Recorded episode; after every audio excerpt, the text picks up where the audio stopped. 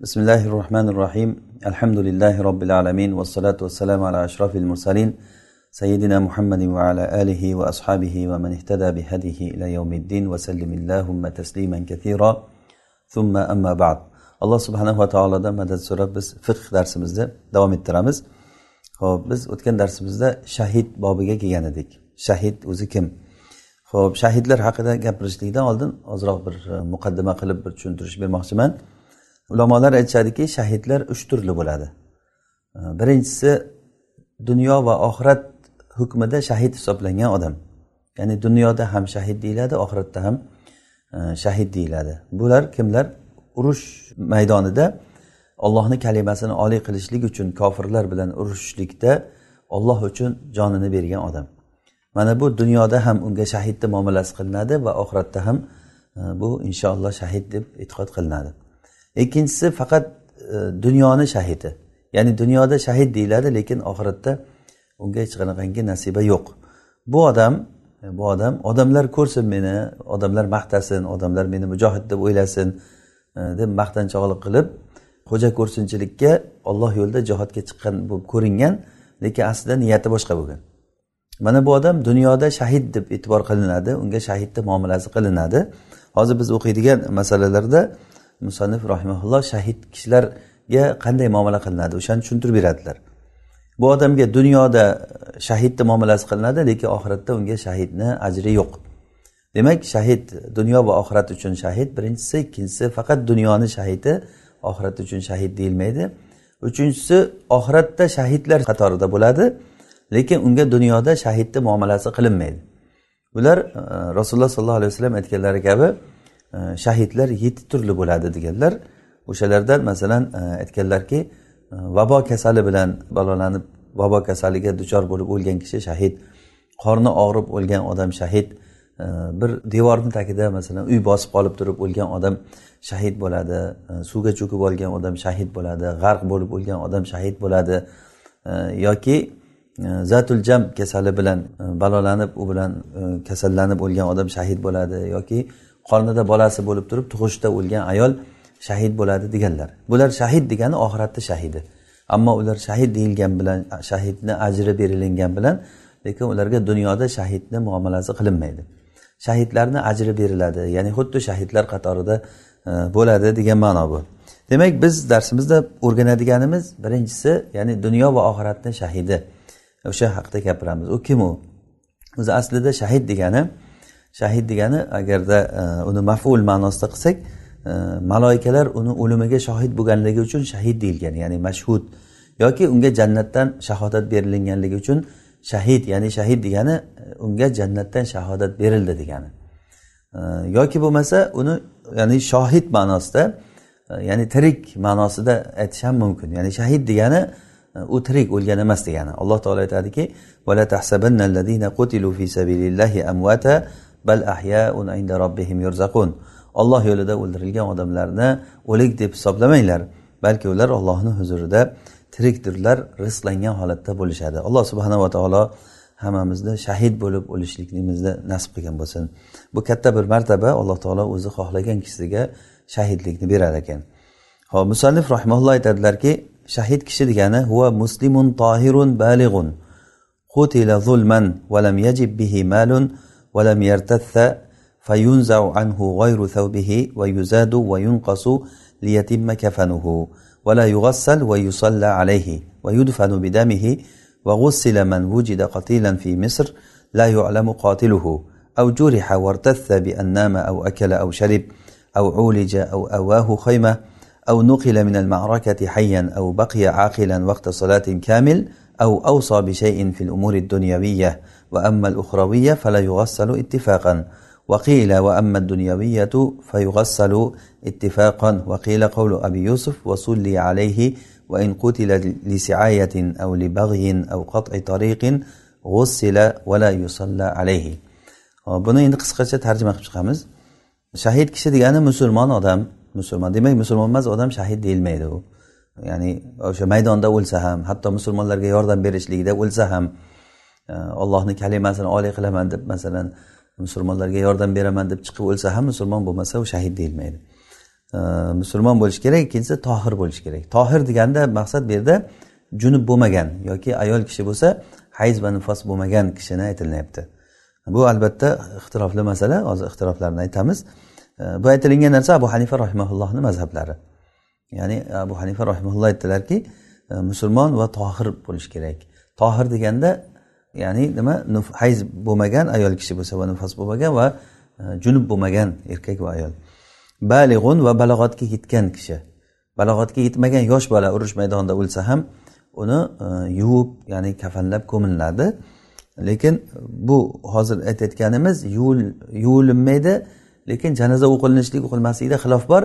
Ya'ni dunyodagi muomala boshqacha bo'ladi. U kafanlanilmaydi yuvilinmaydi kafanlanilmaydi shunday qon oqib turgan holatda kiyimlaridan ortiqchalarini olib tashlab o'sha kiyimi bilan birga e, ko'milinadi qutila zulman u zulm yo'li bilan o'ldirilgan bo'lsa zulm yo'li bilan o'ldirilgan ya'ni zulm yo'li bilan bo'lmasdan haq bilan o'ldirilgan bo'lsa u shahidni muomalasi qilinmaydi. Masalan haq bilan o'ldirilgan kishi e, mana misol uchun musulmonlar jamoasiga bosh ko'tarib chiqqan masalan bog'iylar e, ular bog'iylar o'ldirilgan paytda ular o'zlaricha ollohni kalimasini oliy qilamiz deb chiqqan bo'ladi ular ham. O'zlaricha bir davolari bo'ladi lekin ularga shahidni muomalasi qilinmaydi. Chunki ular zulm yo'li bilan o'ldirilgan o'ldirilgan emas ular haq yo'l bilan o'ldirildi. Ularni qoni halol bo'lganligi uchun ularni haqqa qaytarishlik uchun o'ldirilgan bo'ladi. O'sha uchun ham ularga shahidni muomalasi qilinmaydi balki uni tom tamoman teskarisi teskari ma'no qilinadi ularga. Ya'ni shahidlar yuvilinmasdan janoza o'qilib ko'milinsa ularni yuvib janoza o'qimay ko'madi degan ba'zilar ba'zilar aytganki yo'q yuvilmaydi ham janoza ham o'qilmaydi. Shunday olib borib ko'mib yuboriladi degan. Ya'ni e, nima uchun? Ularga bir siyosat bo'lishligi uchun ular va ularga o'xshaganlarga bir odob bo'lishligi uchun bu. Valam yajib bihi malun va u bilan mol vojib bo'lmagan bo'lishi kerak. Ya'ni o'lishligi bilan mol vojib bo'lmagan. Demak mol vojib bo'lgan bo'lsa u shahid deyilmaydi. Masalan bir odam xato yo'li bilan birovni o'ldirib qo'ydi. Xato yo'li bilan agar birovni o'ldirib qo'ysa o'sha o'ldirgan odamiga diya vojib bo'ladi. Buni bilamiz a diya vojib bo'ladi. Demak diya vojib bo'ldimi mol vojib bo'ldimi u odam shahid hisobida bo'lmaydi. Agarchi e, u odam nohaq o'ldirilgan bo'lsa ham zulm bilan o'ldirilgan bo'lsa ham lekin mol vojib bo'ldimi unga e, shahid maqomi berilmaydi. Endi oxiratda olloh biladi. Masalan bir odam zulm yo'li bilan o'lsa mazlum bo'lib o'ldirilgan odam shahidni maqomi bo'laveradi. E, lekin dunyoda unga shahid muomalasi qilinmaydi. Hattoki rasululloh sollallohu alayhi vasallamni ham o'lishliklarini sababi haybarda rasulullohga zaharlangan bir go'sht berilingan.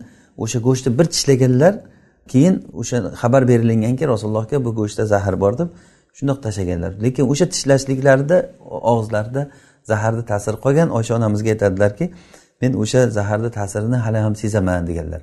Hatto o'lishliklariga ham shu sabab bo'lgan deyiladi. Shuning uchun imom zuhriy rahimaulloh aytgan ekanlarki rasululloh sollallohu alayhi vasallam shahid bo'lib o'lgan deganlar. Ya'ni rasululloh shahid shahidlik maqomini ham alloh taolo nasib qilgan u kishiga. Hatto to'shaklarida o'lgan bo'lsa ham lekin zulm yo'li bilan rasululloh sollallohu alayhi vasallamga o'sha nima zahar ta'siri bilan o'lgan degan albatta bunda xilof bor. Lekin ba'zi aymalar mana imom zuhriy rahimaulloh shu gapni aytgan ekanlar. Lekin to'shakda o'lgan kishilarga zulm yo'li bilan o'ldirilsa ham ularga o'sha ya'ni e, yuvilib kafanlanib ko'miladi masalan mana umar roziyallohu anhuni namoz o'qib turgan joyida abu lulua alayhi lana qorinlarini yorib pichoqlab tashlagan. U kishini kafanlab yuvib janoza o'qib ko'milingan. Lekin zulm yo'li bilan o'ldirildi. Shahid lekin shahid oxirat shahidi bular. Bunaqangi holatda oxiratda shahidi bo'ladi. Dunyoni ham oxiratni ham shahidini muomalasi bo'lishi uchun albatta maydonda o'lishi kerak odam. Maydonda ma'rakada o'sha urush maydonida kofirlar bilan urushayotgan joyida o'ldirilinsa mana bu odam dunyo va oxiratni shahidi deb muomala qilinadi. Ammo zulm yo'li bilan o'ldirilinsa e, haligi yuqorida aytganimizdek yettita odam shahiddir dedikku ular oxiratda shahid hisobida bo'ladi. Masalan ali roziyallohu anhu ham ham xuddi shunday o'ldirilgan usmon roziyallohu anhu masalan qur'on o'qib turgan joylarida kelib so'yib o'ldirganlar. Usmon roziyallohu anhuni yuvib kafanlab janoza o'qib ko'milingan zubayr ibn avom o'qigan ekanlar janozasini usmon roziyallohu anhuni. Ho'p demak valam yajib bihi malun bu bilan mol vojib bo'lmagan deyilindi. Valam yartassa va jarohatlangandan keyin maydonda bo'lsa ham e, hayotni qulaychiliklardan foydalanmagan degani ya'ni lam yartassa degani davolanib u kishini urush maydonidan chekkaga ko'tarib chiqib e, bir qanchadir vaqt yashab tursa e, unda ham u kishiga shahid e, muomalasi qilinmaydi. Ya'ni boshqa odamlardek oxiratda shahid deyiladi lekin bu dunyoda shahidni muomalasi qilinmaydi. Buni misoli sad ibn muaz roziyallohu anhu u kishi ahzob g'azotida jarohatlangan. Tomirlari kesib yuborilingan keyin u tomirni mahkamlab bir ilojini qilib turganda keyin urush tugagandan keyin u kishini o'sha tomirlari ochilib ketgan. Keyin o'lganlarida u kishi mana qarang o'sha kofirlar jarohatlab maydonda e, urush maydonida qattiq jarohatlanib keyin o'lishliklari urush tugagandan keyin o'lganlar u kishini janozasini o'qib yuvib kafanlab ko'milingan. Lekin shahid oxiratda shahidlari qatorida bo'ladi inshaalloh lekin bu dunyoda shahidni muomalasi qilinmaydi.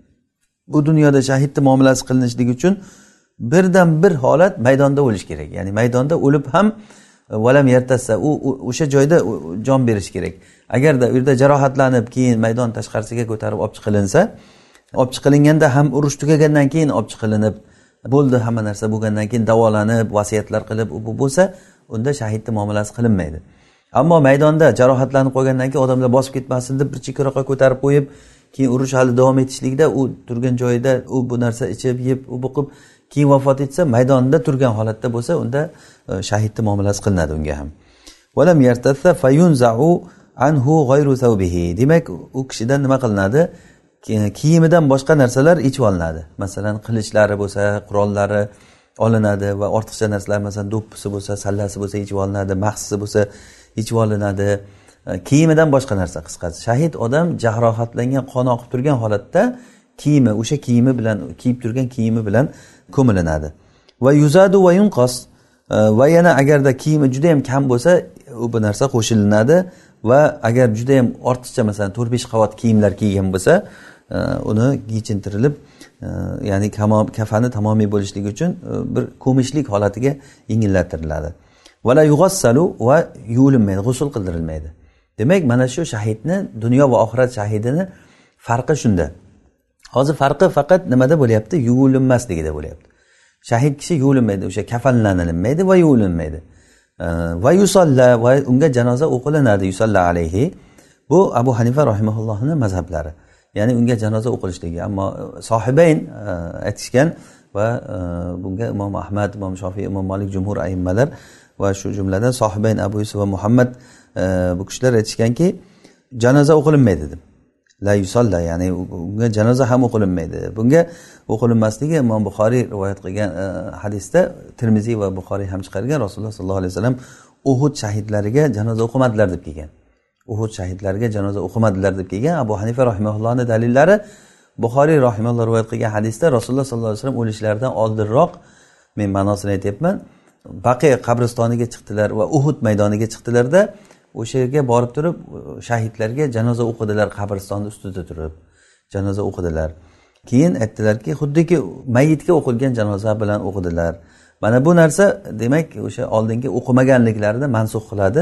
Rasulullohni oxirgi ishlari o'qiganliklari degan. Demak masala ixtilofli masala. Demak janoza unga g'usul qildirilmaydi yuvintirilmaydi. Shahid odam lekin unga janoza o'qilinadi deyapti abu hanifa rahimaulloh va yudfanu bidamihi va qoni bilan ko'milinadi qoni bilan ya'ni qon oqib turgan holatda uni yuvilinmaydi va g'ussila man vujida qatilan fi misr.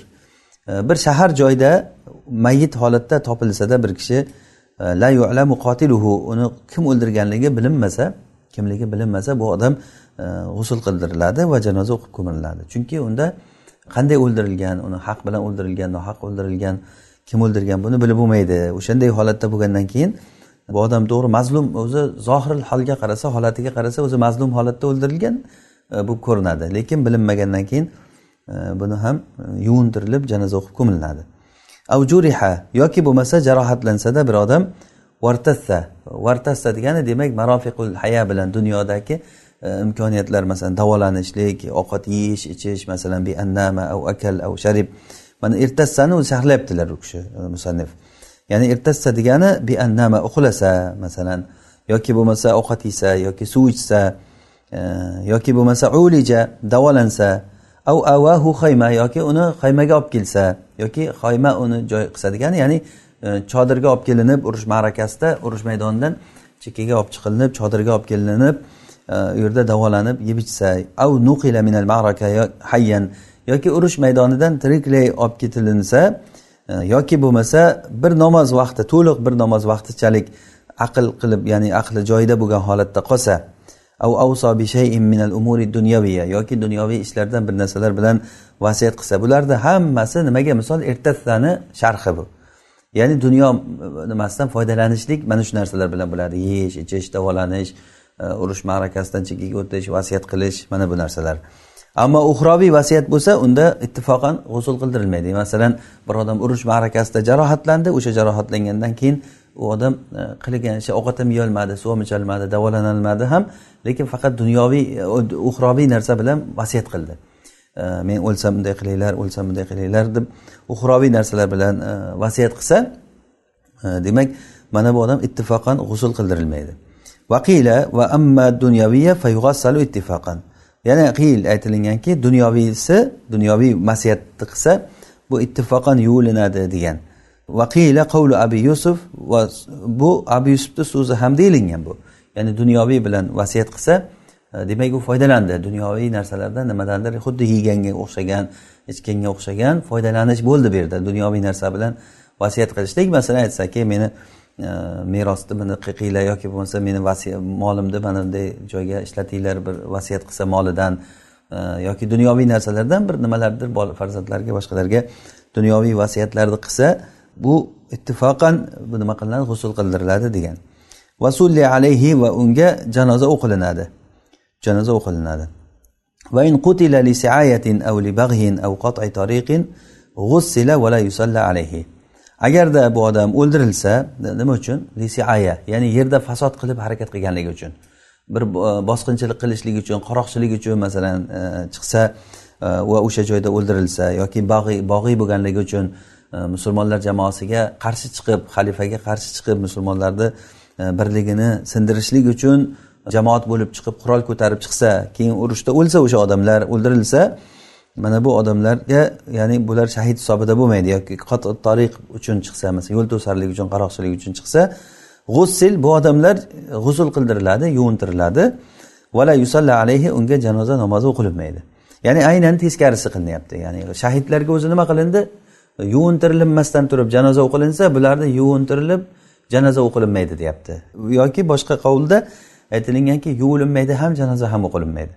Ularga bir siyosat bo'lishligi uchun ularga e, bir jazo bo'lishligi uchun va unga o'xshagan odamlar boshqa odamlarga ham bu ibrat bo'lishligi uchun. Xuddi shunga o'xshagan hukmda bo'ladi masalan ma'siyatni jahriy qilgan odamlar. Ma'siyatni jahriy qilib masalan aroq ichib odamlar ichida mast bo'lib o'lsa masalan e, yoki bo'lmasa o'zini o'zi osib o'ldirsa shu ma'siyatni qilgan o'zini o'zi o'ldirsa masalan nimadir ichib o'lsa masalan odamlar ba'zilar uksus ichib o'libdi boshqa bo'libdi deb eshitamiz mana shular ana shunaqangi o'zini o'zi o'ldirish masalasida bunda janozasi o'qilmaydi deyilganligi janozasini mashhur kishilar o'qimaydi degani. Imom e, qozi masalan muftiylar e, ulamolar xalq ulardan gapini oladigan xalq ergashadigan mashhur odamlar ularni janozasini o'qimaydi. Ammo ommadan kimlardir uni janozasini o'qib ko'milishlik kerak chunki musulmon kishi hisoblanadi. O'zini o'zi ossa ham masalan yoki aroqchi bo'lsa ham musulmon kishi hisoblanadi. U musulmon kishi bejanoza ko'milinmaydi. Illo siyosat uchun unga katta katta odamlar janoza o'qimaydi degan. Ammo mana bu odamlar bo'lsa masalan bog'iylik uchun yoki fil ard yerda e, fasod bilan harakat qilib turib shu musulmonlarga qarshi bir tadbirlar qilgan holatida o'ldirilgan odamlar ularni g'usul ham qildirilmasdan janoza ham qildirilmasdan shunday olib borib musulmonlarni qabriga ko'mib yuborishligi ham mumkin. Bu siyosat uchun yoki bo'lmasa kimlardir uni janozasini o'qib e, ko'mishligi ham mumkin. Allohu alam. E, Ali roziyallohu aynan o'sha nahravonda havorijlar bilan bo'lgan urushda shu yo'lni tutganlar. Ya'ni ularni janozasini o'qitgani qo'ymaganlar. Janoza o'qilmasin bularga degan shunda odamlar bular kofirmi nimaga janozasi o'qimaymiz? deganda yo'q ular kofir emas ixvanuna bag'ov alayna deganlar. Ular bizni birodarimiz lekin e, bizga qarshi ular bog'iy qildi bag'iy qildi ya'ni bizga qarshi dushmanchilik qildi. Musulmonlar jamoasiga qurol ko'tardi. Musulmonlar jamoasiga musulmonlar birligini buzishlik uchun qurol ko'targan odam bog'iy hisoblanadi. Ya'ni odil xalifaga qarshi chiqqan odam bog'iy hisoblanadi. Mana bunday kishilarga janoza o'qilinmaydi deb aytganlar. Allohu alam. Demak hozir mana shu aytganlarimiz qisqacha bir shahidni e, masalalari edi. Keyin musannif rahimalloh aytadilarki babu solatil xavf solatul xavf bobi deganlar. Ya'ni solatul xavf degani qo'rqqan paytda e, o'qilinadigan namoz. Ya'ni dushmandan yoki bir hayvondan bir nimadandir qo'rqsa odam o'sha namoz bo'lib jamoat bo'lib o'qilingan paytda e, shunda qo'rqinch bo'lsa odamlarga bir xavf kelib qolishligidan qo'rqilinsa e, o'shanda odamlarni jamoatni ikkiga bo'lib ya'ni musulmonlarni amiri jamoatni ikkiga bo'ladidan keyin bir toifa odamlarni dushman tarafga o'sha xavf bor tarafga qo'yib qo'yadi va bir toifa odamlar bilan namoz o'qiydi bu qanday o'qiydi hozir buni qanday o'qilishligini musannif bizga tushuntiradilar قال المصنف رحمه الله تعالى إذا اشتد خوف العدو جعل الإمام أمة نحو العدو men birdaniga to'g'ridan to'g'ri tarjima qilib ketaveramiz agarda dushmanlarni xavfi qattiq bo'lsa dushmanlarni xavfi qattiq bo'lsa imom bir toifa odamlarni dushman tarafga qo'yib qo'yadi ya'ni bir toifa umma degani toifa degani Toifa ya'ni bir bir odamlarni ikkiga bo'lib bir toifasini bir tomonini nima dushmanlar tomonga e, qo'yib qo'yadi. Ho'p vasolla bi uxro va ikkinchisi bilan namoz o'qiydi. Ya'ni toifa degani o'zi e, ummat degani toifa ma'nosida kelganligi mana vajada alayhi ummata minan nas. Muso alayhissalomni haqida alloh taolo qur'onda aytgan paytda qasos surasida aytadiki muso alayhissalom e, madiyanni suviga borgan paytlarida odamlardan bir toifasini chorvalarini sug'orayotgan holatida uchratdilar deb aytgan. Demak toifa degani ummat ummat degani toifa ma'nosida kelar ekan. Agarda dushmanni xavfi qattiq bo'lib ketsa imom bir toifani dushman tarafga qo'yadi. Vasolla bi uxro rakatan fi sunai va rakatayni fi g'oyrihi va boshqa ikkinchi toifa bilan bir toifani dushman tarafga qo'yib ikkinchi toifa bilan birga ikki rakatlik namozlarda bir rakat o'qiydi. Va ikki rakatdan boshqa uch rakat to'rt rakatlik shom va xufton namozlari bo'layotgan bo'lsa bunda ikki rakat o'qiydi bir birinchi toifa bilan. Va madot hadihi ilayhi va bu toifa imom bilan bir rakat o'qigan toifa dushman tarafga boradi. Ilayhi degan ilal adu. Dushmanga boradi dushmanga boradi. Va madot hadihi va jaat tilka va haligi dushmanga borib turgan birinchi toifa keladi. Va solla bihimma baqiya. Va ular bilan imom qolgan namozini o'qiydi.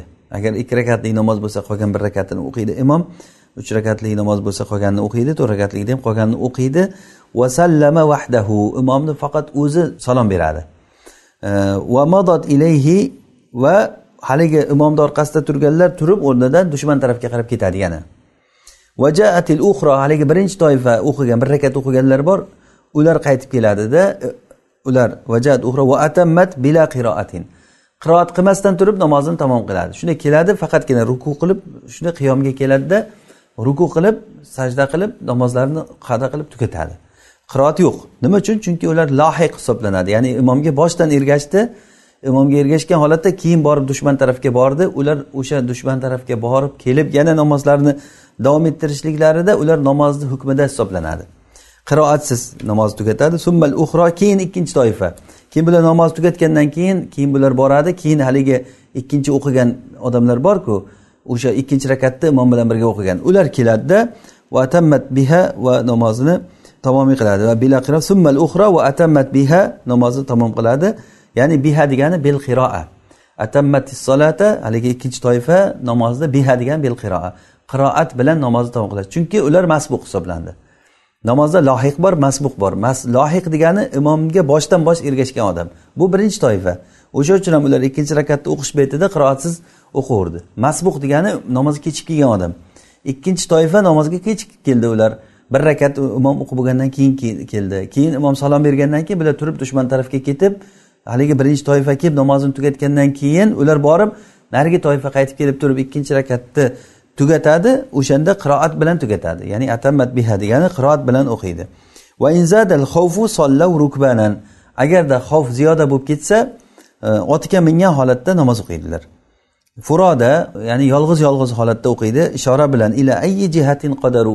Qaysi tomonga qodir bo'lsalar shu yoqqa qarab namoz o'qiveradilar va yufsidu hal qitalu val mashyu va rukubu.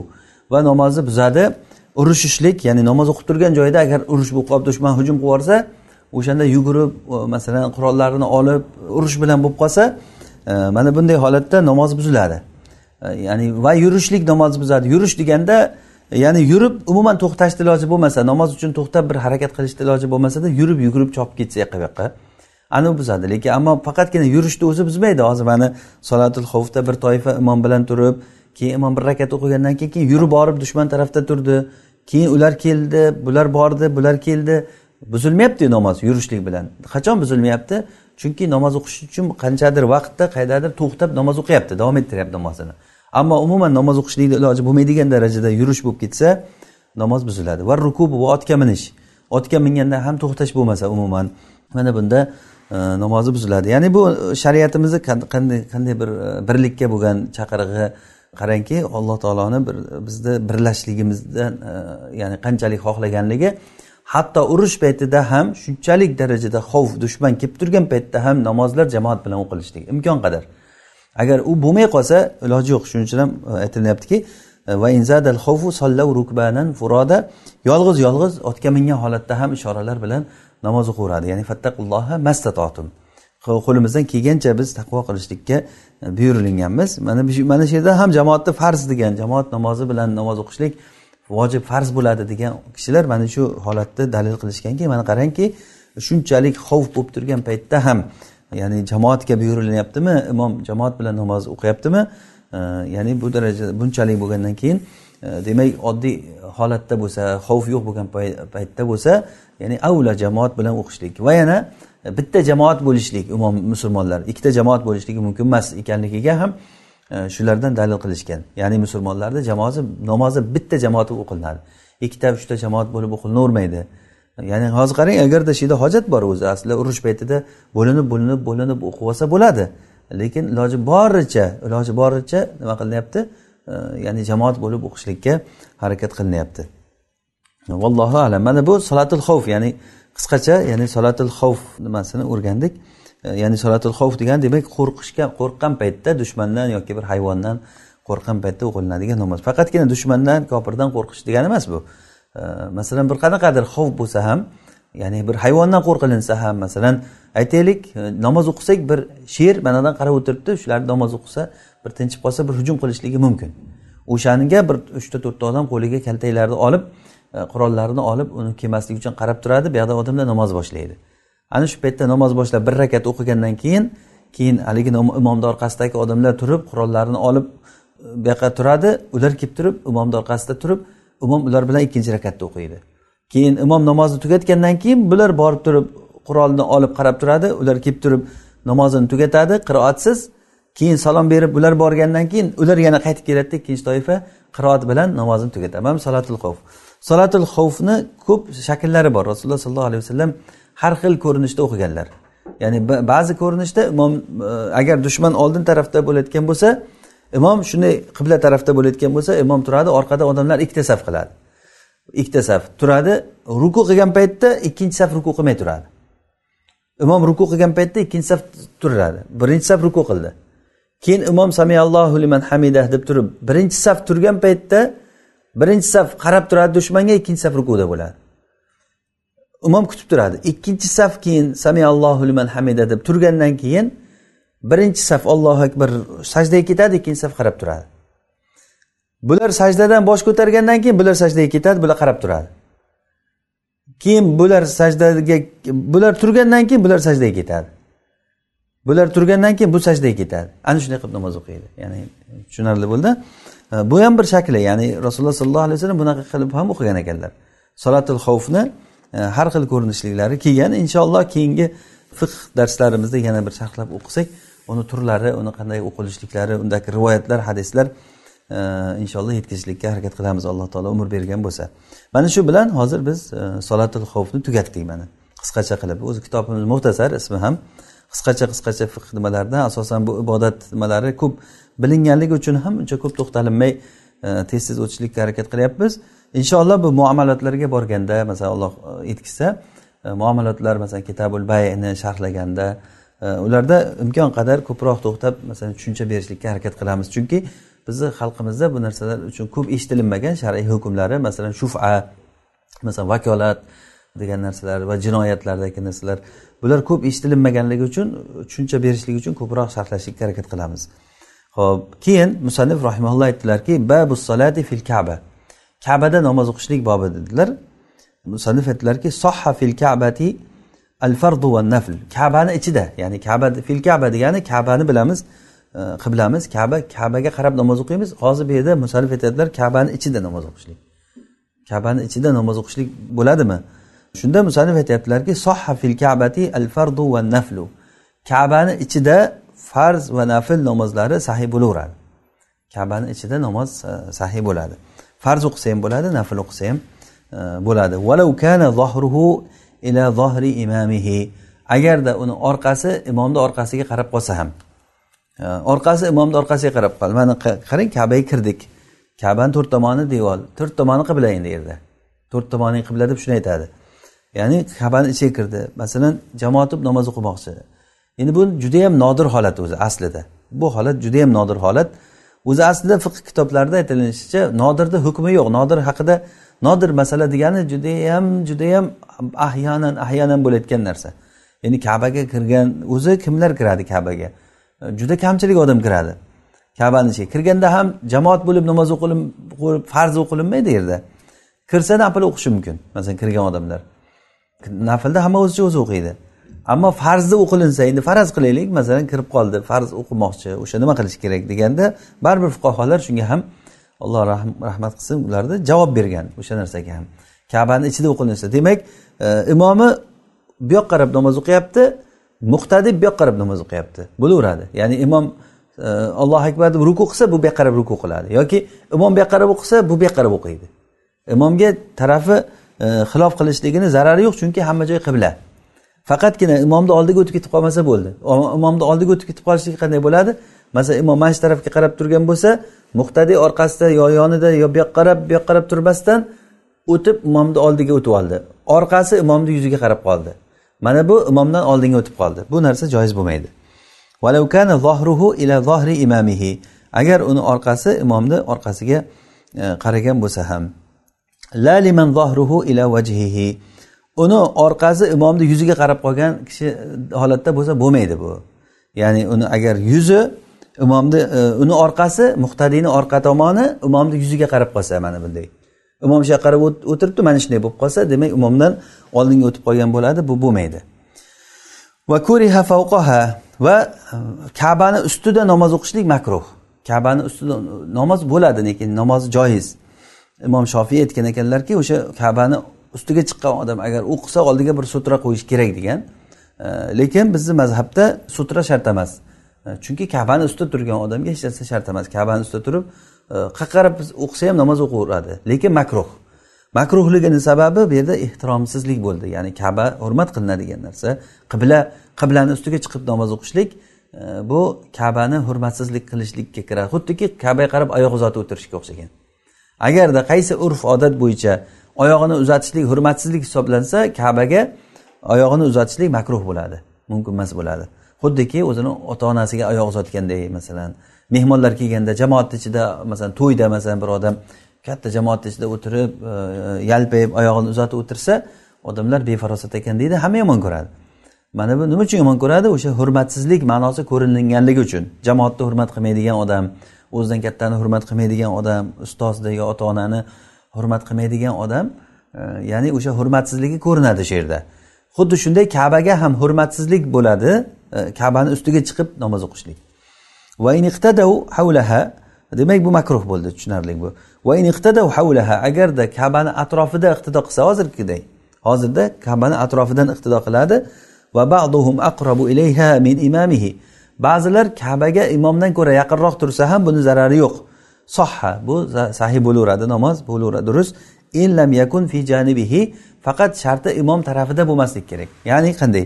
Mana qarang hozir kaba to'rtburchak bo'lsa imom mana bu tarafda masalan ko'pincha imom maqomi ibrohim tarafida hozir ko'ramiz. Mana ko'pchilik umraga hajga boradi. Televizorlarda ham buni o'sha to'g'ridan to'g'ri nimada onlaynda ko'rsatib turibdi namozlarni qarasangiz o'sha imom maqomi ibrohim tarafda kabadan aytaylik bir besh olti metr uzoqda aytaylik o'n besh metrgacha uzoqda turishi mumkin. o'n metr o'n besh metr. Masalan kabadan uzoqda turibdi.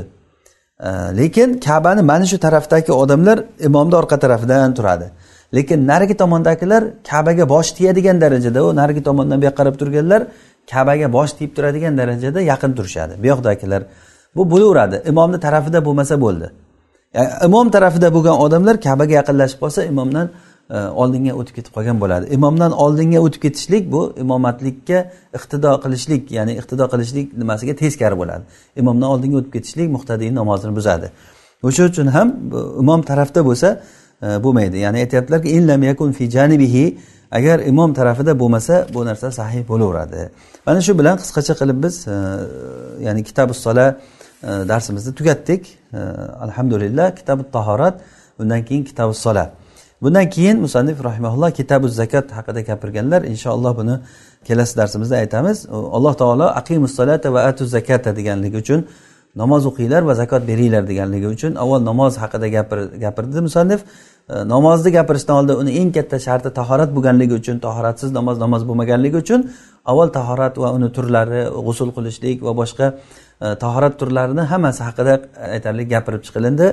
Qisqacha bo'lsa ham masalan e, janobatdan toza bo'lishlik e, hayz ayol qanday toza bo'ladi nifostak ayol qanday toza bo'ladi istahoza ayol qanday toza bo'ladi najosatlardan qanday tozalaniladi e, hammasini gapirdik. Najosat turlari haqida gapirilindi undan keyin namoz haqida. Namozni hammani e, qo'ldan kelgancha sharhlab e, qisqacha bo'lsa ham yetkazilindi keyin musanif rahimaulloh o'shandan keyin zakot haqida gapirganlar. O'zi aslida ibodatlar e, shariat bizga buyurgan ibodatlar badan bilan qilinayotgan ibodatlar bor. Xuddiki hozir aytganimizdek masalan namoz va ro'zaga o'xshagan badan faqat badan bilan qilinadi va ba'zi ibodatlar bor mol bilan ibodat qilinadi. Ya'ni sarflab ibodat qilinadi. Bu zakot bu. Olloh yo'lida nafaqa qilib olloh yo'lida zakot berib ibodat qilinadi. Va ba'zi ibodatlar bor ham badan bilan ham mol bilan. Bu haj e, va jihod masalan. Olloh yo'lida jihod qilishlik yoki hajga borishlik ham pul sarflaysiz ham badaningiz bilan qiynalasiz. E, ya'ni alloh taolo bizdan hammasini shuni har xil ibodatlarni talab qildi buyurdi. mana shularda alloh taolo buyurgandek bajarishlik uchun alloh taolo bizga buyurgan narsani qanday ado qilsak alloh bizdan rozi bo'ladi o'shani o'rganishlik uchun biz fiqh o'rganishlikka majbur bo'lamiz alloh subhanava taolo hammamizni dinida tushunib ibodat qiladigan faqih bandalardan qilsin alloh taolo bizga foydali ilm bersin alloh taolo bilmaganlarimizni o'rgatsin o'rganganlarimizga amal qilishlikka alloh tavfiq bersin هذا ما أعلم ربنا تعالى أعلى وأعلم سبحانك اللهم وبحمدك نشهد أن لا إله إلا أنت نستغفرك ونتوب إليك. صل اللهم وبارك على عبدك ونبيك محمد عليه الصلاة والسلام. والسلام عليكم ورحمة الله وبركاته.